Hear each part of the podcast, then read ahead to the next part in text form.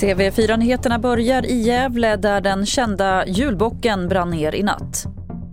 Det var vid 03.38 i morse som polisen får in ett larm om att Gävlebocken brinner och den visar sig vara övertänd och snart nedbrunnen. Och den här branden ska då enligt vittnesuppgifter ha startat i den lilla bocken som finns där på platsen och sen spridit sig vidare till den stora. Och vid 03.41 ungefär så hade både den stora och den lilla bocken brunnit ner helt. Det sa Petra Blomqvist på polisen Region Mitt. En misstänkt man greps senare. Han ska ha haft sotiga händer när han greps. Smittspridningen ökar på flera skolor runt om i landet och med bara få dagar kvar till jullovet är det flera skolor som stänger och undervisar på distans istället. I Blekinge håller tre skolor stängt idag.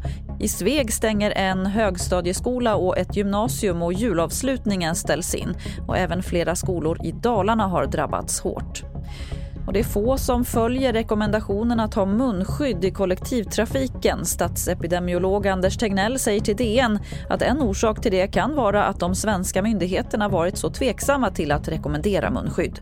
Fler nyheter hittar du på tv4.se. Jag heter Lotta Wall.